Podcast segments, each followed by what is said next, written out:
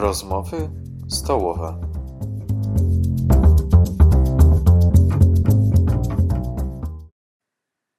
W tym podcaście będziemy rozmawiać o sytuacji na granicy polsko-białoruskiej. Ksiądz Tomasz Wigłasz odpowie na nasze pytania związane z sytuacją humanitarną na tej granicy, a także w jaki sposób parafie Kościoła Ewangelicko-Augsburskiego oraz Ewangelickie Duszpasterstwo Wojskowe angażują się w pomoc uchodźcom. Będziemy rozmawiać o tym, w jaki sposób możemy my, jako chrześcijanie, pomóc i dlaczego warto angażować się w pomoc ludziom potrzebującym wsparcia, pomocy w tej trudnej sytuacji. Zapraszam do posłuchania tego podcastu. Rozpoczynamy dzisiaj spotkanie z księdzem Tomaszem Wigłaszem, który jest y, proboszczem parafii w Białymstoku, parafii ewangelicko-augsburskiej. Oprócz tego jest kapelanem y, ewangelickiego duszpasterstwa wojskowego. W stopniu majora? Majora. Dobrze zapamiętałem. Y, parafia w Białymstoku jest to w ogóle bardzo ciekawa parafia i powinna czy zasługuje na oddzielne spotkanie w ogóle. Nie? Ale dzisiaj chciałem porozmawiać e, z księdzem Tomaszem o sytuacji e, humanitarnej e, na granicy polsko-białoruskiej. Tomku, w jaki sposób parafie angażują się w pomoc obecnie? Czy parafia w Białymstoku, konkretnie ta parafia albo inne parafie, parafie Kościoła Ewangelicko-Augsburskiego, w jaki sposób się angażują w pomoc uchodźcom? Jasne. Znaczy mogę powiedzieć, że nasza parafia dosłownie wczoraj e, przekazała do ośrodków e, Straży Granicznej e, produkty, które tam są najbardziej potrzebne, czyli mleko dla niemowlaków, konserwy. W grę wchodzą tylko rybne ze względu na to, że to nie chodzi tylko o wieprzowinę, ale o sposób uboju, więc, więc nasi, że tak powiem, podopieczni mają problem czasem z drobiem również. No i tego typu rzeczy. Duszpasterstwo wojskowe przekazało koce e, termiczne, koce, koce mm, e, bawełniane chyba, czy, czy mm, polarowe. E, no więc taka materialna pomoc poszła, poszła wczoraj. Przygotowane są kolejne zbiórki. E, rozumiem, że pytanie było szersze, więc, więc mogę też powiedzieć, że diecezja mazurska zbiera środki e, na konkretną pomoc do ośrodka zamkniętego zamkniętego ośrodka dla uchodźców, tak to się, dla cudzoziemców, przepraszam, tak to się fachowo nazywa w Kętrzynie. Te środki mają być na, skoncentrowane na dzieciakach, które tam w tym e, ośrodku się znajdują. Dzisiaj odpalając komputer teraz zobaczyłem linka, znaczy zobaczyłem maila z diakonii kościoła, gdzie też są rusza akcja, która ma iść jakby trochę dwutorowo. Z jednej strony mają być przygotowywane paczki, plecaki dla osób, które koczują gdzieś na granicy, koczują w lasach i z drugiej strony ma być też pomoc zapowiedziana dla już tych, które znajdują się w ośrodkach, ośrodkach Straży Granicznej. Także ta pomoc idzie, idzie różnie. No, nie wiem, co, jak bardzo to uszczegółowić, bo chyba powiedziałem wszystko. Mhm. Ja w ogóle przede wszystkim dziękuję księdzu e, Tomkowi za to, że, że jest z nami, bo dzisiaj troszkę no, jest przeziębiony, a mimo wszystko przyszedł na to spotkanie e, i, mogliśmy, i możemy o tym rozmawiać. E, najogólniej mówiąc, są różne inicjatywy Również e, ten nasz podcast, te nasze nieformalne stowarzyszenie czy, czy grupa Rozmowy Stołowe wsparła Fundację Ocalenie, tak? Może, może mógłbyś powiedzieć trochę więcej o tej fundacji, jakie masz doświadczenia z tą fundacją i czym ona się zajmuje, czy, czy też współpracujecie z nią, czy raczej nie? Bo różne są opinie o niej, nie? Znaczy, powiem w ten sposób. E, nie mieliśmy okazji współpracować w sensie takim, że, że spotkaliśmy się, czy, czy, czy, czy mieliśmy okazję rozmawiać. W związku z tym trudno mi się wypowiadać. E, opinie są różne o wielu różnych instytucjach i osobach, więc ja zawsze wychodzę z założenia, że, że najlepiej kształtuje się opinię o kimś, jak ma się okazję spotkać bezpośrednio. Nie miałem takiej okazji, a przynajmniej nic mi na ten temat nie wiadomo.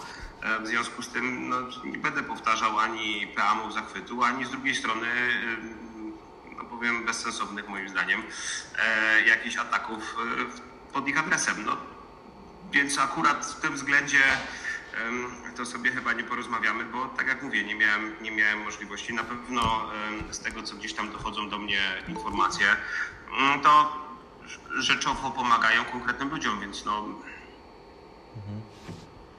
tyle w temacie mogę powiedzieć.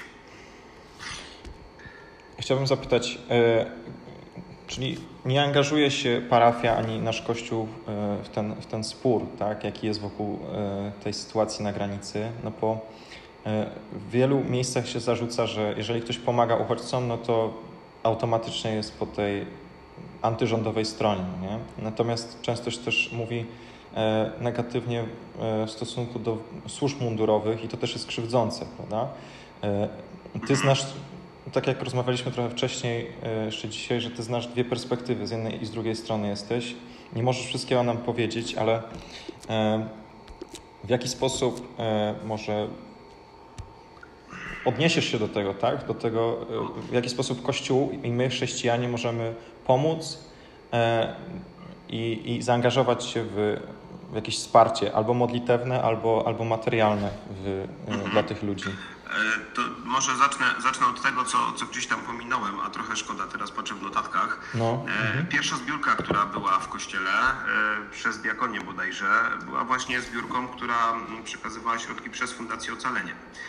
Z tego, co gdzieś ta, ta zbiórka jest zamknięta, znalazłem około 40 tysięcy zebraliśmy jako Kościół i przekazali przez tę fundację. Natomiast powiem w ten sposób, że nie wiem, czy oglądaliście mm, Myślałem, że powiem inny przykład, ale powiem, powiem jeszcze inny. Film, który pamiętam, angielski tytuł Crash. E, polski chyba Miasto Gniewu, jak się nie mylę. Jeśli tak, to mnie skorygujcie, bo, bo, bo nie pamiętam.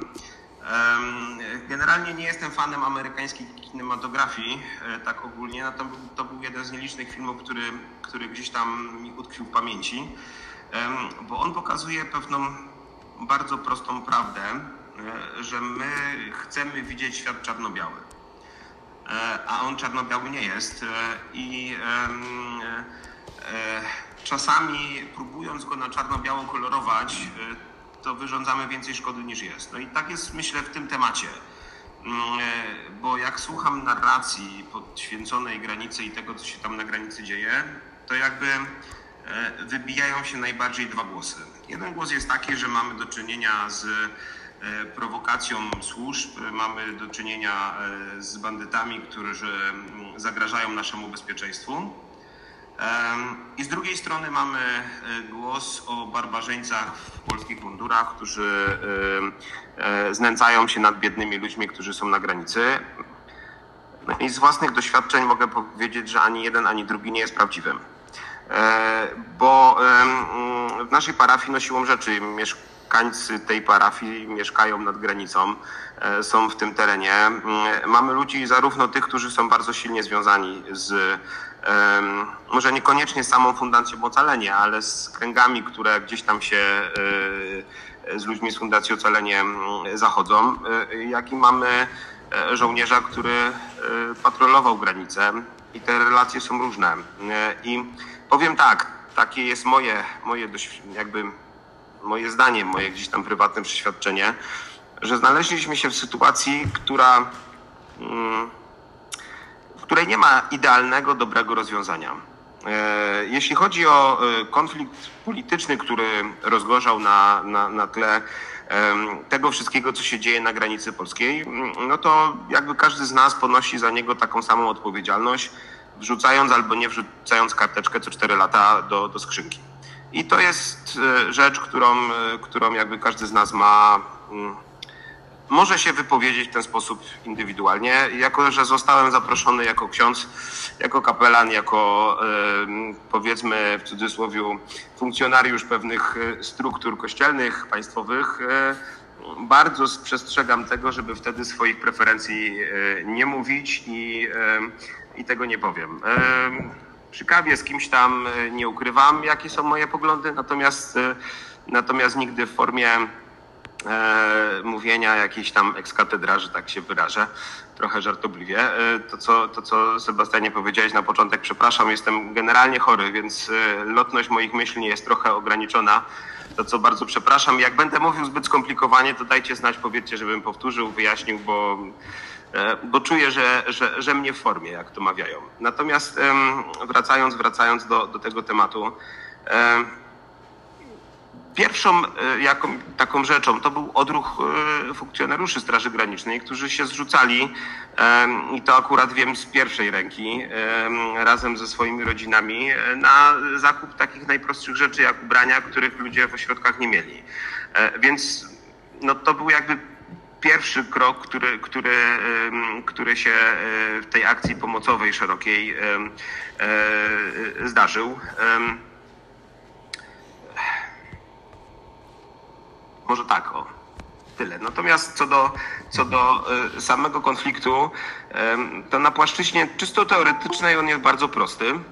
E, a mianowicie na płaszczyźnie czysto teoretycznej mamy sytuację, w której e, po wyborach na Białorusi y, świat zachodni nie, nie uznał tych wyborów. E, w związku z tym ten, który je wygrał, postanowił światu zachodniemu pokazać, że potrafi go potrafi w nim namieszać. No i teraz y, to jest strona teoretyczna i gdyby, gdyby chcieć to rozpatrywać tylko w takich kategoriach, no to oczywiście mamy sprawę z prostą, e, no tylko że e, rozgrywa to konkretnymi ludźmi. E, I to nie jest problem uchodźców, to nie jest problem migrantów, to nie jest problem kogoś, kto tam nielegalnie, czy, czy, czy mniej, czy bardziej granice przekracza, tylko to jest problem ludzi. Mamy do czynienia z ludźmi, którzy E, na wstępie zostali wystawieni do wiatru przez tych, którzy, przynajmniej większość e, tych, którzy zostali e, po polskiej stronie, no mówiąc brutalnie, złapani. To są ludzie, którzy legalnie przyjechali, przylecieli do, do, do Białorusi. Więc jakby od strony teoretycznej nie ma najmniejszego problemu wskazać winnego. Tylko problem jest taki, że mm, to w ogóle nie załatwi sprawy. E, i to w ogóle nie załatwi tego. To jest, to jest trochę tak jak odwieczny problem, czy należy pertraktować, czy nie należy pertraktować z terrorystą. E, znaczy z, z tymi, którzy kogoś, kogoś e, tam przytrzymują. Nie da się znaleźć złotego środka, nie da się zrobić tak, żeby wszyscy byli zadowoleni. To, to mniej więcej tyle o tym. Czyli, e, tak jak mówiłeś, nie ma rozwiązania dobrego z tego, e, z tego sporu, z tego konfliktu, jaki mamy, z tego kryzysu, tak? Bo e, my myśleliśmy jeszcze kilka lat temu, jak uchodźcy przybywali do Europy przez basen Morza Śródziemnego, że nas to nie dotyczy, że to jest daleko. Gdzieś tam w Grecji słyszeliśmy, we Włoszech, w Niemczech, ale, ale nas omijali. Myśleliśmy, że to nigdy do nas nie trafi, tymczasem to się dzieje. Nie? I jest ten spór polityczny, jest ten, te pytania o prawda, kwestie prawne, o pomoc ludziom, którzy tego potrzebują. Jak to wygląda od strony takiej czysto praktycznej? No bo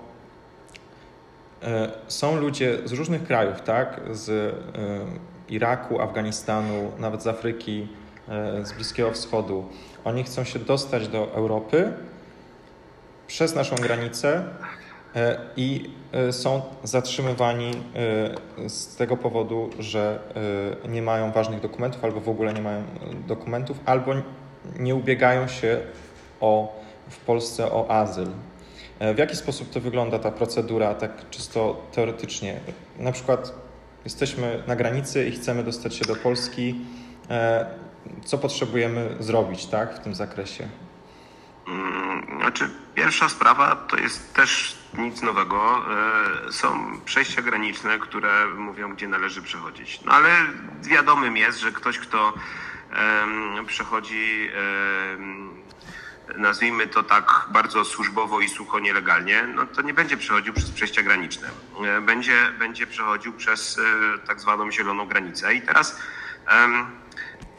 sytuacje są takie. E, w momencie, kiedy mm, ludzie, którzy przechodzą przez granicę, e, e, zostają zatrzymani i ubiegają się w Polsce o to, żeby rozpocząć proces, procedurę całą w Polsce, no to zostają w Polsce. Oczywiście ta procedura może wskazać, że państwo polskie uznaje, że rzeczywiście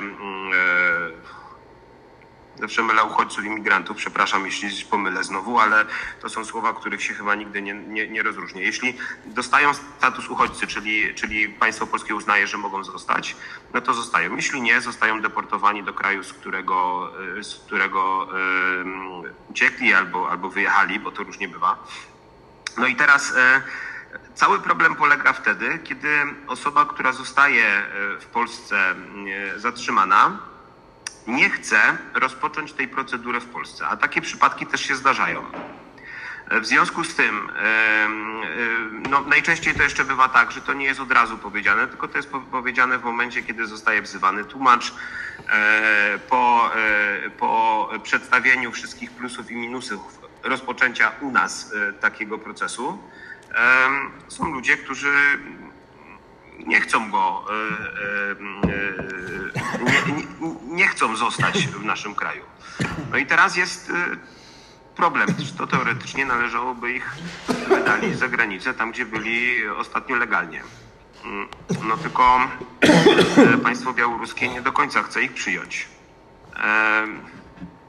Się... To tyle, jeśli chodzi o procedurę. Natomiast druga strona medalu jest taka, e, że to są ludzie. Mm, no i teraz trzeba to zrobić tak, e, maksymalnie szanując e, tych ludzi i jakby, no, mówiąc brutalnie, nie wystawiając ich nocą na bagna. O tyle.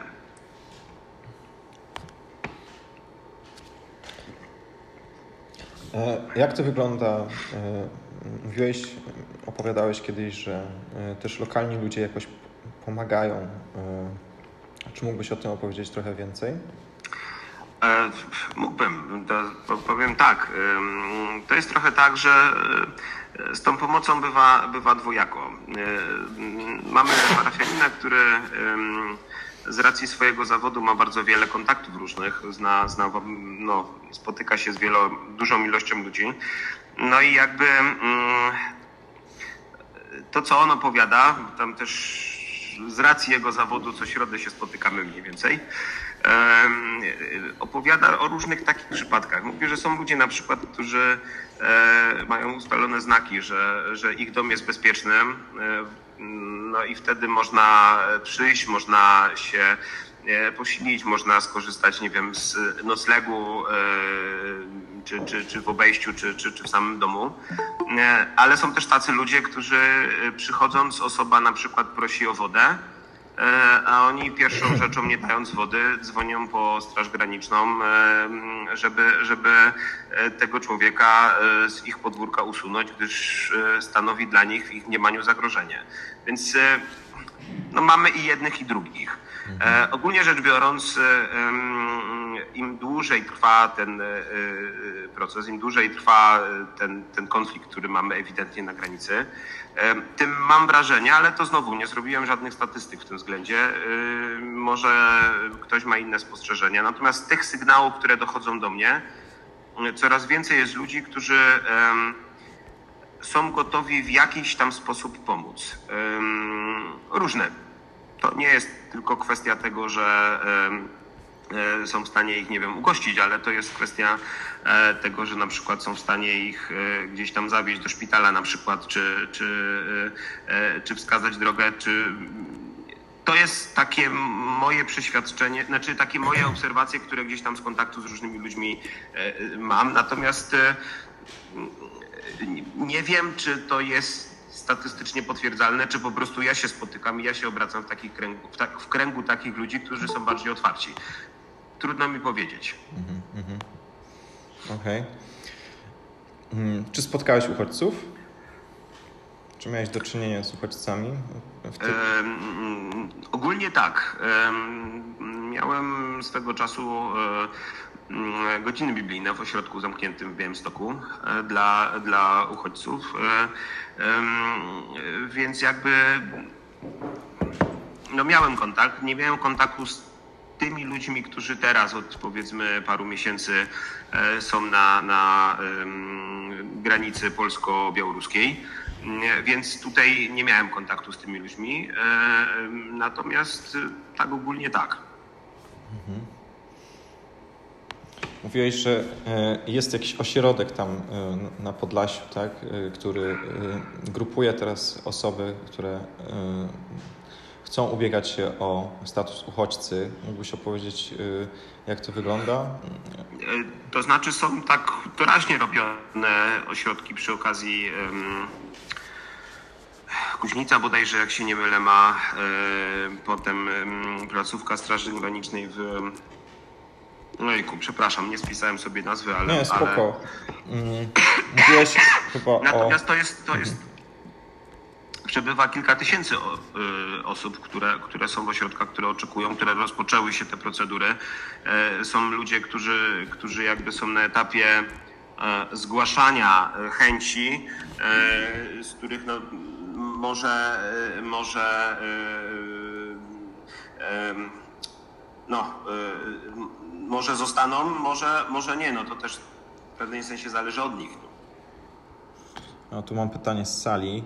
Mhm. E... Czy, bo rozumiem, że w większości to są sunici albo szyici, prawda? I czy tam do tych ośrodków dla uchodźców dostęp mają nasi polscy e, Aha. jakby, mm, nie wiem, jak imamowie i tak dalej. Duchowni. Czy oni mają mhm. wolność jakby swojej wiary?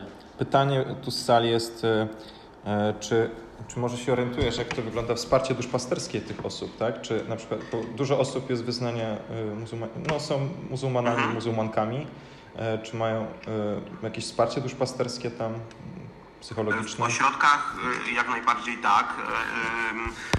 Sam wchodziłem do tego ośrodka, no akurat jakby nie, nie, nie teraz, teraz nie było takiej, takiego zapotrzebowania, no bo to też jest kwestia, że, że musi być zapotrzebowanie ze strony ośrodka. Natomiast sam wchodziłem jako, jako duszpasterz, wchodziłem nie dlatego, że, że byłem, że jestem kapelanem wojskowym, ale po prostu um, zgłosili się ludzie, którzy chcieli mieć duchownego protestanckiego, bez jakichś tam konkretów. E, e, przez jakiś czas chodził tam pastor baptystów, nie wiem czy, czy, czy dalej jest zaangażowany w tę służbę, czy nie. Natomiast było też zapotrzebowanie na mnie i wiem, że jakby nie ma, nie ma problemu też z obecnością imamów, no bo to jakby jest, jest oczywiste. Natomiast mamy teraz kwestię E, tego wydzielonego pasa objętego e, no, e, strefą, strefą no, nie zamkniętą, tylko słowo mi wypadło, przepraszam. Gorąco się nie powinno gadać publicznie. No jest ta strefa. Strefa, no wiemy o co chodzi. I tam rzeczywiście jest utrudniony. Stan wyjątkowy, właśnie dziękuję bardzo. Na ludzi z Białego Stoku to zawsze można liczyć jest to nieco utrudnione, natomiast no, w tej strefie jest kilka gmin wyznaniowych e, muzułmańskich i jakby imamowie tam e, pełniące służby spokojnie mogą się poruszać po tej strefie, więc jakby nie ma nie ma przeszkód z tego, co ja kojarzę, żeby, żeby mogli też brać e, i, i świadczyć usługi religijne dla, dla osób osadzonych, osadzonych, zatrzymanych w tych ośrodkach. Mhm. No tutaj jeden, jeden komentarz y, Kazimierza Byma. No tak, ale ostatnio widzimy, że ludzie chcieli złożyć podanie o status uchodźcy, a Straż Graniczna udaje, że nie słyszy i to jest łamanie prawa. Y, chcesz się odnieść do tego komentarza, czy nie? Znaczy, mm, ja chyba na początku powiedziałem dość wyraźnie, że i z prawej, i z lewej są ludzie, którzy są w porządku i tacy, którzy są nie w porządku. Jeśli była taka sytuacja, no to mogę ją tylko potępić i nic więcej. Natomiast e, jakby e, znam też przypadki, gdzie ludzie po, stwierdzili, że chcą, natomiast po rozmowie za pomocą tłumacza parogodzinnych stwierdzili, że jednak nie chcą, bo zrozumieli, że znaczy zostało im przedstawione, jak wygląda jakby ta druga strona medalu składania tego wniosku w Polsce, więc jakby no... Bo jeżeli ktoś złoży wniosek, Polsce, musi zostać w Polsce, tak? Nie może do Niemiec. Zostaje w Polsce, to w Polsce decyduje się, czy e, przysługuje mu status uchodźczy, czy nie i e, jeśli nie, to zostaje deportowany. W związku z tym to też się wiąże e, z, z jakby z tymi gwarancjami, jakie zapewnia mu państwo polskie. No one są nieco powiedzmy tak słabszej jakości niż te świadczenia, które zapewnione miałby na przykład w Szwecji czy w Niemczech, czy, czy, czy mówiąc potocznie na Zachodzie. Nie? Natomiast e, powiem tak, no e, nie wykluczam, że istnieje możliwość, że dzieje się coś złego w konkretnych przypadkach, natomiast nie wiem, byłbym już ostrożny w mówieniu o tym, że jest to jakaś norma. Mhm. Tutaj procedura trwa około 6 miesięcy. Ale pamiętamy, że tamta grupa chciała złożyć, ale nie dopuszczono do nich prawników. Nie mówią, że byli uchodźcami, ale wszyscy chcieli, widzieli, co się działo. No, jakieś to, jakieś to informacje są, tak? Y, które wskazują na, na skomplikowaną sytuację tam. W szczególności ta, ta sytuacja była napięta, pamiętam, w sierpniu, prawda? Kiedy e, nie dopuszczano dziennikarzy, nie dopuszczano nawet duchownych tam dla, do, tych, do tych osób, do tej grupy przebywających na, do, przebywających na granicy. E, czy, czy wiesz, co się z nimi stało? Czy oni nadal tam przebywają e, w tych namiotach, czy, czy nie masz takiej informacji, nie możesz udzielić takiej informacji? E, powiem szczerze, nie mam takiej informacji na dzień dzisiejszy, także mhm. tutaj widzę, że. Mhm. Proszę, e, parafia ewangelicka Golasowice. Witam serdecznie. Dzisiaj mamy informację, uchodźcy y, sforsowali zasieki y, przygotowanymi wcześniej materiałami, jeszcze przede wszystkim wielkimi balami drewna i zostali przejęci przez Straż Graniczną. Żeby złożyć y, wniosek, trzeba być po stronie polskiej. Nie można krzyczeć ze strony Białorusi, że się chce złożyć wniosek, no bo kto go ma przyjąć? To była naprawdę skomplikowana sytuacja, to może odpowiedzieć dla Kazimierza, ja nie, chcę się tutaj wtrącać, to tylko tak chciałem sprostować. Okej, okay, dzięki. dziękuję. Dzięki bardzo. Ksiądz Kazimierz Bem chce się odnieść, czy nie? Tak, ja chciałbym się odnieść. W ogóle y, witam y, księdza Łukasza. Dziękuję, że, że ksiądz się pojawił i za bardzo ciekawy wykład i bardzo zrównoważony i stonowany i życzę po prostu do zdrowia szybkiego. Natomiast wydaje mi się, że, że tu mówimy o dwóch konkretnych, dwóch bardzo różnych sprawach. Po pierwsze, jest sprawa to, czy na granicy polskiej są przestrzegane przepisy polskiego prawa, y, przepisy prawa międzynarodowego a uchodźców. I wszyscy prawnicy wskazywali, że tamta grupa, księże biskupie, była po polskiej stronie. I e, po prostu nie dopuszczano do nich prawników, więc nie można mówić, że oni że sobie krzyczeli. Tak czy inaczej, e, więc to jest pierwsza sprawa prawa migrantów. A druga jest sprawa dużo bardziej skomplikowana, mianowicie sprawa łamania prawa przez Straż Graniczną. Straż Graniczna, podobnie jak oficerowie policji, nie mogą pojawiać się nieoznakowani. Jak pan, pan pamięta, pytali i posłowie, i różne osoby, żeby się wylegitymowali, podali imiona i nazwiska, zanim weszło rozporządzenie ministra. Oni tak od, odmawiali podawania takich informacji. Było to łamanie prawa. Więc, więc to są dwie sprawy. Ja nie mówię, że wszyscy ci migranci są uchodźcami. Ja się zajmowałem prawem uchodźców profesjonalnie, więc ja wiem, że nie wszyscy zawsze są uchodźcami i wiem, że z tym jest bardzo różnie. Tym niemniej Polska podjęła pewne zobowiązania, których nie, których nie realizuje, twierdząc, że nie są po polskiej stronie granicy. I żeby to udowodnić, zabroniono dostępu i lekarzom, i duchownym, i dziennikarzom, i wprowadzono stan wyjątkowy. Więc to jest pierwsze, ale chciałem księdzu Tomaszowi zadać bardziej takie pytanie. Postaram się zadać delikatnie, bo ksiądz jest chory E, i, i, i bardzo doceniam to, że ksiądz jest tutaj. Ja rozumiem, że kapelani duchowni mają, szczególnie wojskowi, mają bardzo skomplikowaną sytuację, bym powiedział etycznie, podobnie jak, jak, jak duchowni na granicy. Ale czy nie uważa ksiądz, że e, był pewnego rodzaju takim no nie, nieładnym akcentem ze strony y, y, kapelanów, no, może nie kapelanów, ale ogólnie duszpasterstwa wojskowego, że na granicy nie pojawił się oficjalnie żaden duchowny z duszpasterstwa wojskowego. Natomiast kiedy tamta grupa siedmiu osób koczowała, yy, o dziwo duchowni się pojawili przy święceniu sztandaru. I e, no, muszę powiedzieć, że my reformowani mamy generalnie mały szacunek do, do, do obrazów, ale ten obraz był taki był okropnym dysonansem, że są w stanie pojawić Ja już pomijam wątek kazania, które wtedy w tej katedrze ksiądz biskup Guzek wygłosił, to było teologicznie koszmar. Ale czy nie uważa ksiądz, że jednak można było, przynajmniej w tym pierwszym okresie, zanim wprowadzono stan wyjątkowy, bo rozumiem, że teraz są inne przepisy, można było bardziej zaakcentować solidarność z no, ludźmi, no, szczególnie solidarność z sierotami i, z dziećmi? To jest takie moje pytanie. Dziękuję.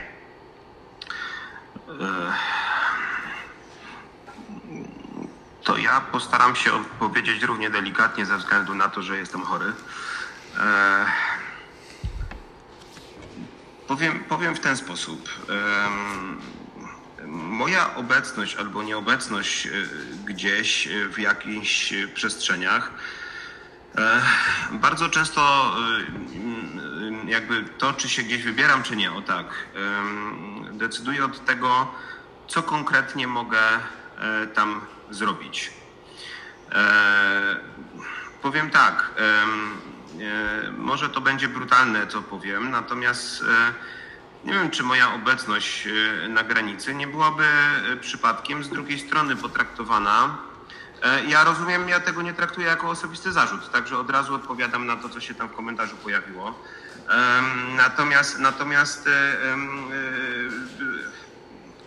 nie chciałbym pojechać tam, żeby za przeproszeniem pooglądać sobie małpy w zoo.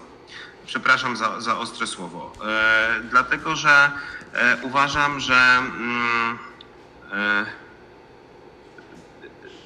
są inne przestrzenie i inne możliwości do tego i tu jako kapelan zawsze będę e, z tymi, z którymi mam okazję e, gdzieś tam jakoś tam duszpastersko oddziaływać, e, mówić, żeby się zachowywali fair w stosunku do każdego. Teraz jest sytuacja taka, że, że jakby tym, tym każdym najczęściej są uchodźcy. W związku z tym mówię to konkretnym ludziom, którzy są na granicy.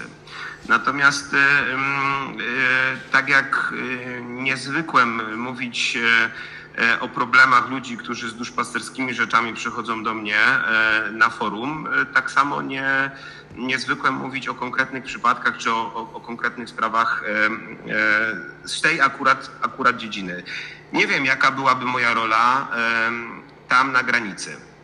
Nie mam pojęcia. Nie jestem w stanie. Wiem, jaka moja rola byłaby, kiedy ktoś ma na przykład święto, na przykład takim jak poświęcenie sztandaru. Nie słyszałem kazania, więc nie będę się odnosił, nie wiem. Natomiast, e, natomiast powiem tak. E, wtedy jestem poproszony o to, żeby modlić się nie o sztandar, nie o wojsko, tylko o konkretnych ludzi, którzy pod tym sztandarem mogą być albo urzędnikami, albo ludźmi, którzy, e, którzy pełnią swoją służbę. Więc dlatego e, nie widzę tutaj dysonansu. E, to jest moje zdanie. Może ktoś się ze mną nie zgadzać, ma do tego prawo, natomiast ja tak to widzę.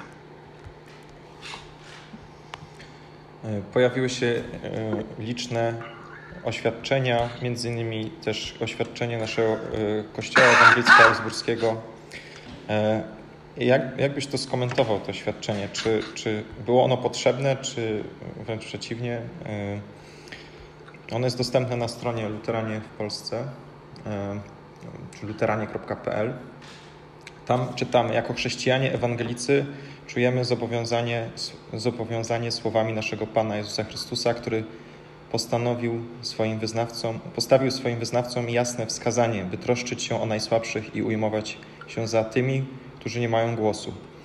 Pośród nich w biblijnym przekazie szczególne miejsce zajmują migranci i uchodźcy. Kościoły tradycji luterańskiej postrzegają służbę na ich rzecz jako ważną i integralną część swojej misji i świadectwa wobec świata.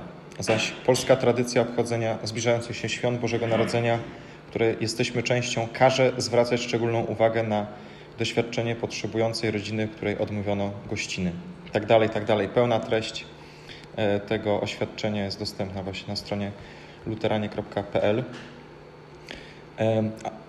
jak byś skomentował to, to, to oświadczenie? Czy e, może jak ono powstało? Może nam przybliżysz, bo... Mm, znaczy, powiem tak, no, było kilka pomysłów na to, jak ono miałoby wyglądać, jak, jak to E, jak takie oświadczenie e, miałoby brzmieć. E, no i nie trudno się domyślić, że te pierwsze przymiarki do tego oświadczenia były bardzo różne.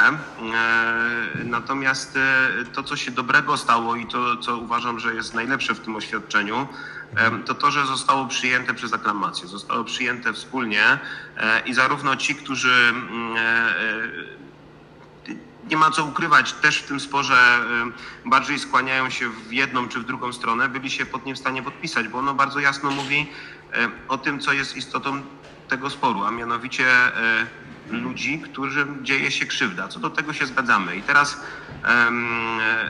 nie jest zadaniem Kościoła, co też tam wybrzmiało bardzo jasno, żeby prowadzić politykę państwową. I myślę, że tu chyba wszyscy się też z tym zgodzimy. E, są tacy, którzy uważają, że jest inaczej, mają do tego prawa, natomiast my, zwłaszcza jako ewangelicy, nie chcemy tego. Ale z drugiej strony e, Kościół e, ma też do powiedzenia wiele w tej dziedzinie, powiedzmy, społecznej. To też jest w tym oświadczeniu. Zacytowany tam fragment, że, że w tej biblijnej narracji, rzeczywiście, jeśli popatrzymy na teksty y, prorockie szczególnie, y, to były grupy, które można by wręcz powiedzieć są uprzywilejowane. To są wdowy, sierota i, wdowa, sierota i obcy przybysz. E, w związku z tym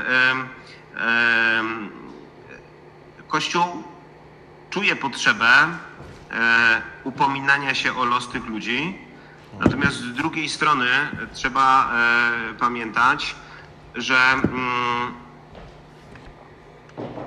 to upominanie się nie może rozwalać pewnego ładu społecznego, który funkcjonuje. I to jest jakby rzecz, którą, którą też musimy pamiętać i taka no może anegdota z powstawania już tego ostatecznego tekstu, bo on powstawał, e, pewne zręby powstały przed synodem, wiadomo, że trzeba było go przygotować. E, potem na synodzie przez w zasadzie trzy dni były dyskusje.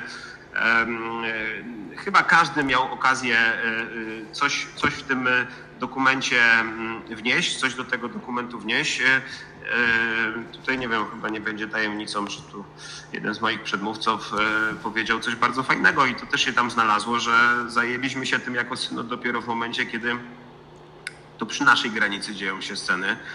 Natomiast kiedy działy się u wybrzeży Grecji i Włoch, to synod milczał. Dlatego bijemy się w pierś, ewidentnie no, zrobiliśmy źle, nie mówiąc wcześniej tego, co mamy do powiedzenia dzisiaj. Natomiast, natomiast wracając do tego oświadczenia i do tej sytuacji, było nas dwóch redaktorów, e, którzy, którzy spisywali te rzeczy fizycznie. No i już podczas procedowania nad tym wnioskiem do mnie jako jednego z dwóch przyszedł jeden z członków synodu i mówi, no ale w tym akapicie trzeba e, trochę więcej wskazać na te konkretne, e, konkretne e, deklaracje, konkretne dokumenty międzynarodowe, które mówią o, o statusie uchodźców i tak dalej, i tak dalej, i tak dalej. I kiedy skończył mówić, e, wstała inna osoba z synodu do mikrofonu i powiedziała, że ona by chciała, żeby tak za bardzo się nie zagłębiać w te tematy, e, powołując się na prawo międzynarodowe, tylko po prostu powołać się na chrześcijańskie e, nasze wartości. I w tym momencie mój rozmówca stwierdził, faktycznie to ma być nasze wspólne oświadczenie, więc wycofuję to, co powiedziałem. I ja jestem bardzo dumny z tego oświadczenia. Z tego co wiem, to Światowa Federacja Luterańska też go w jakiś tam sposób e, przyjęła za swoje i, i e,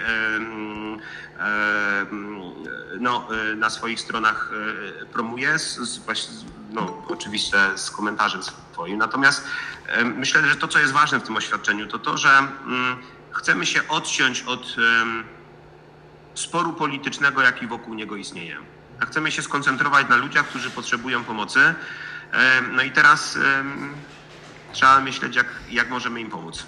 Nie wiem, czy wystarczająco dobrze, no dobrze, czy wystarczająco odpowiedziałem, ale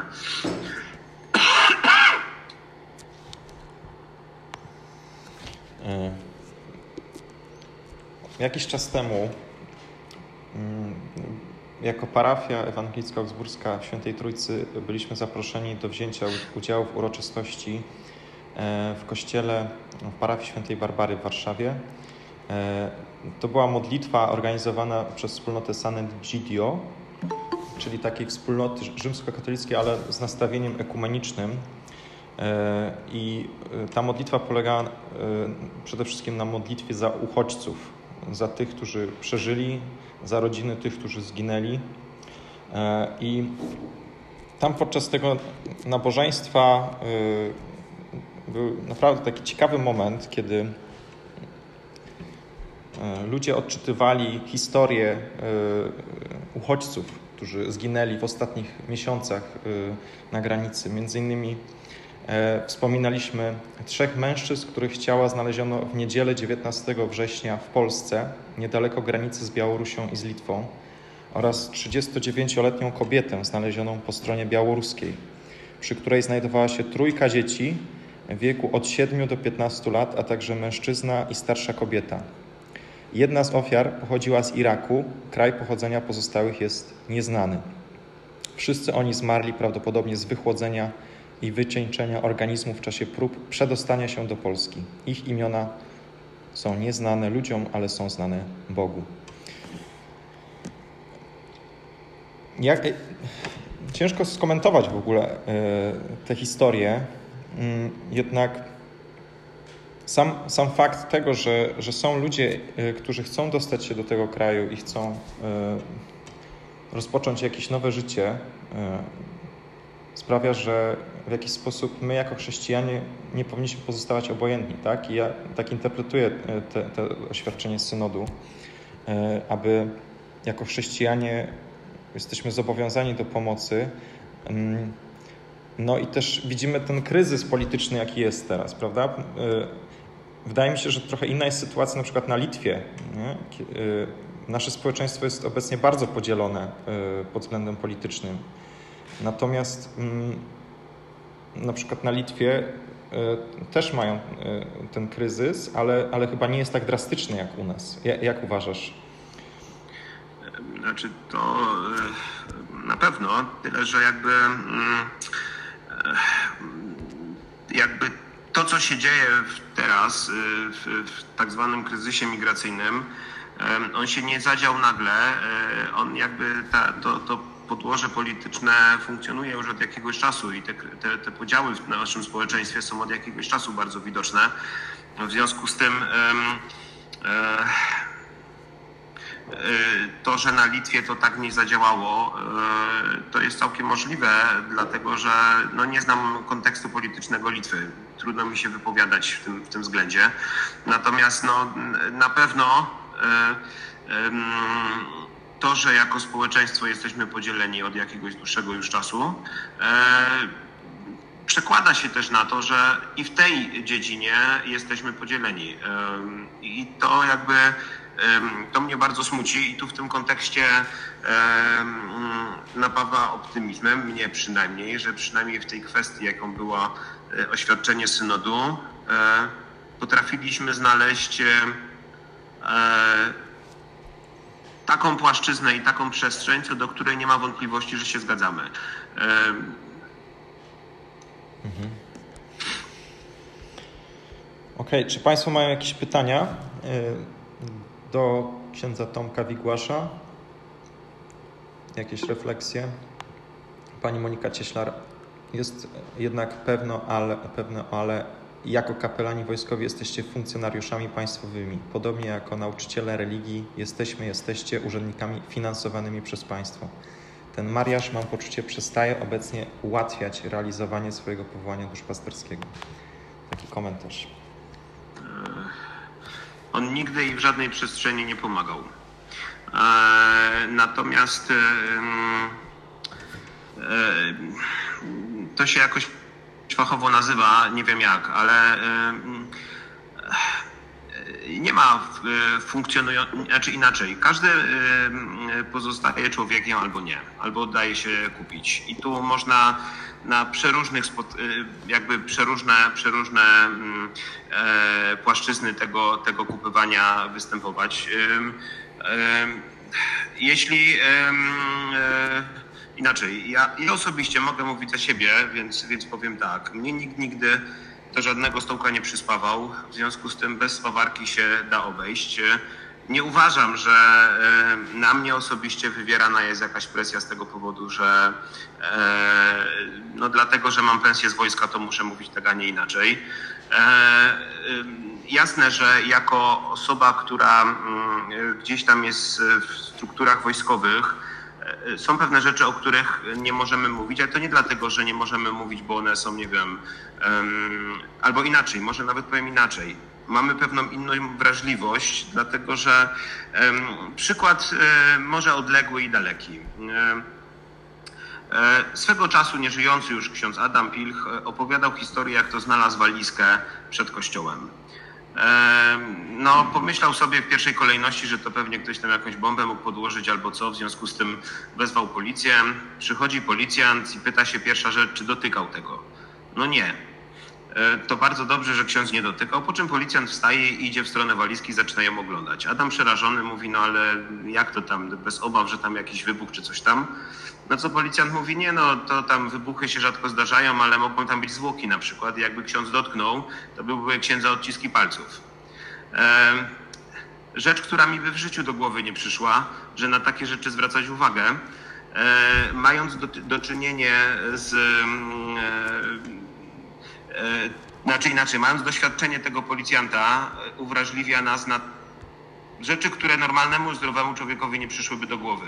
W związku z tym E, pewne rzeczy, które w cudzysłowiu cenzurujemy, cenzurujemy nie dlatego, że e, chcemy ukryć draństwa kogoś, tylko mamy świadomość, że to może zostać wykorzystane i pod tym względem oczywiście zdaję sobie sprawę, że jako kapelani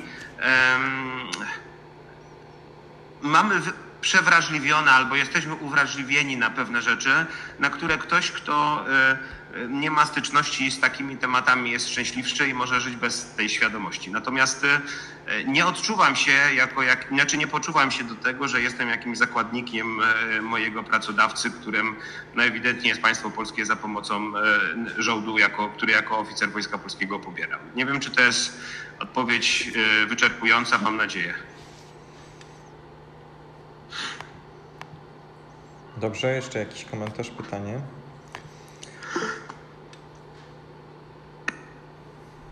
Żebyśmy długo tutaj nie męczyli księdza. Już. Spoko. Marcin ma pytanie, słuchajcie. Możemy wykorzystać e, Czy, czy słychać? kościołów niemieckich, szwedzkich, które już od wielu lat mają e, kontakt z uchodźcami i czy oni, oni się na przykład zgłaszali do nas, albo czy y, księża z Polski pytali ich o jakieś rady i tak dalej. Nie wiem, czy w ogóle jest jakaś pod tym względem e, współpraca. Tak. Słyszał, słyszał ksiądz pytanie sali? E, słyszałem pytanie, natomiast mogę tylko dość oględnie odpowiedzieć na nie, bo nie wiem, czy były jakieś bardzo konkretne y, propozycje.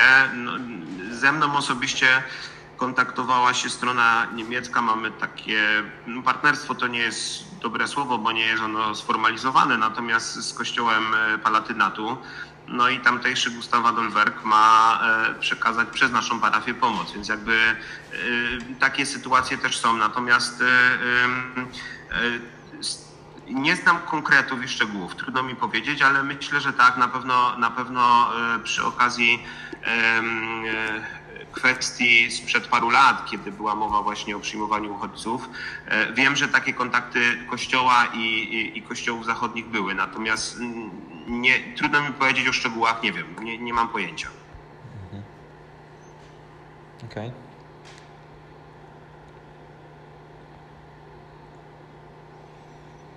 Czy jeszcze jakieś małe pytanie do księdza Tomka Wigłasza?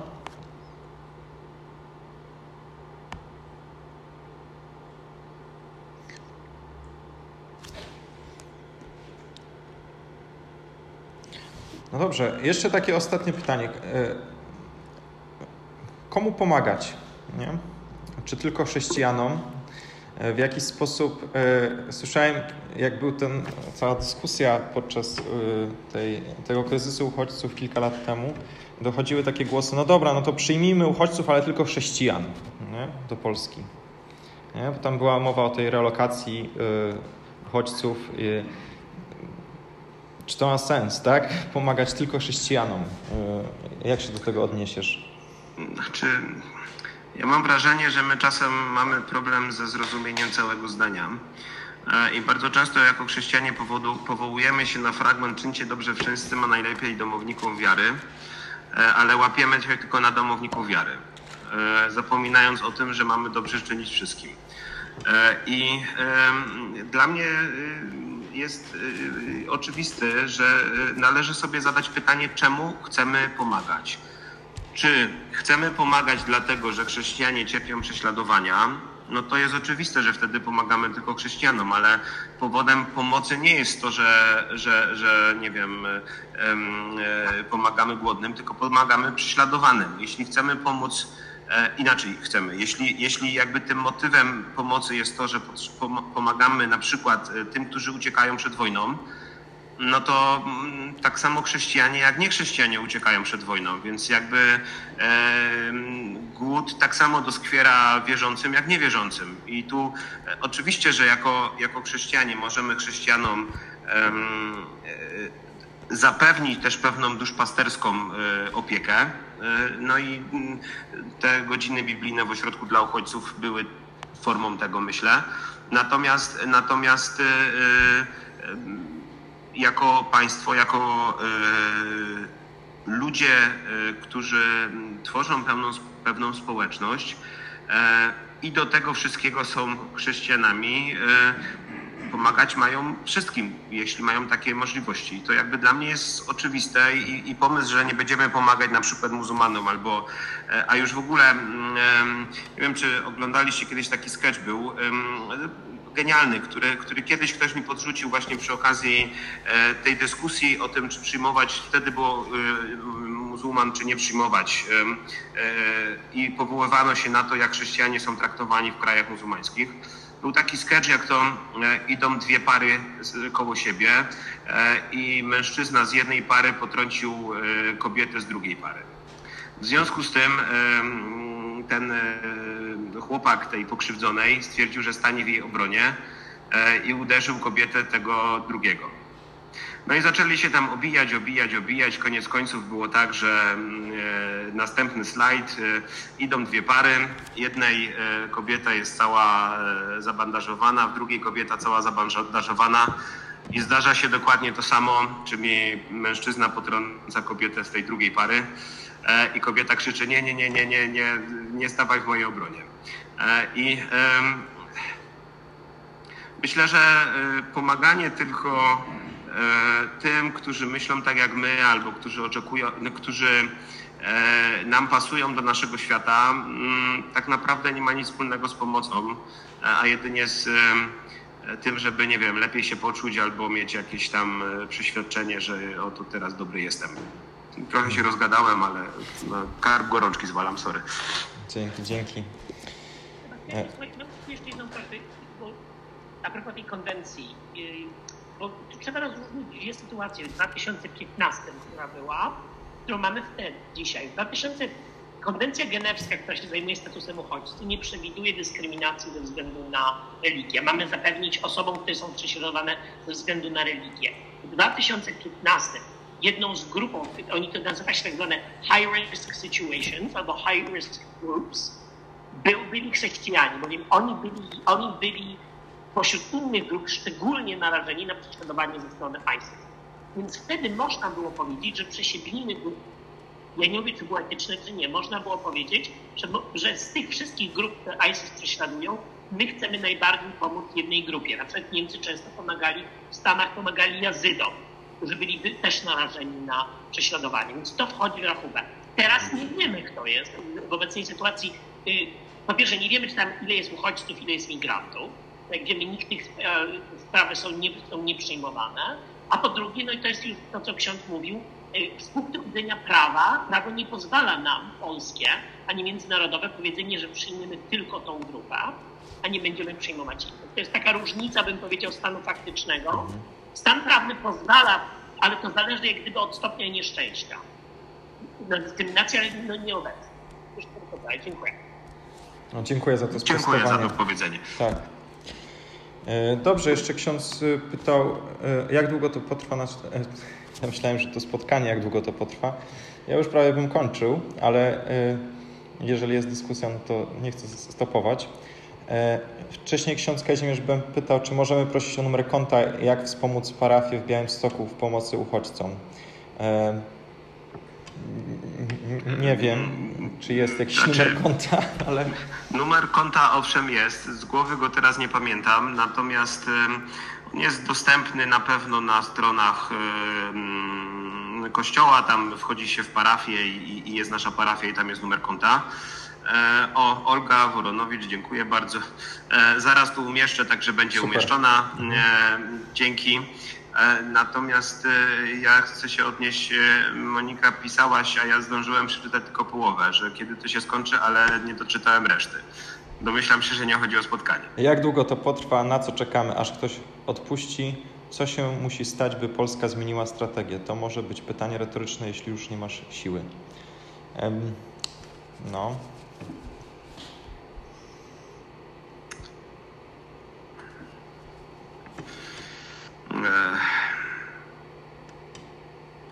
Najprostsza odpowiedź, ale bardzo trudna, nie wiem.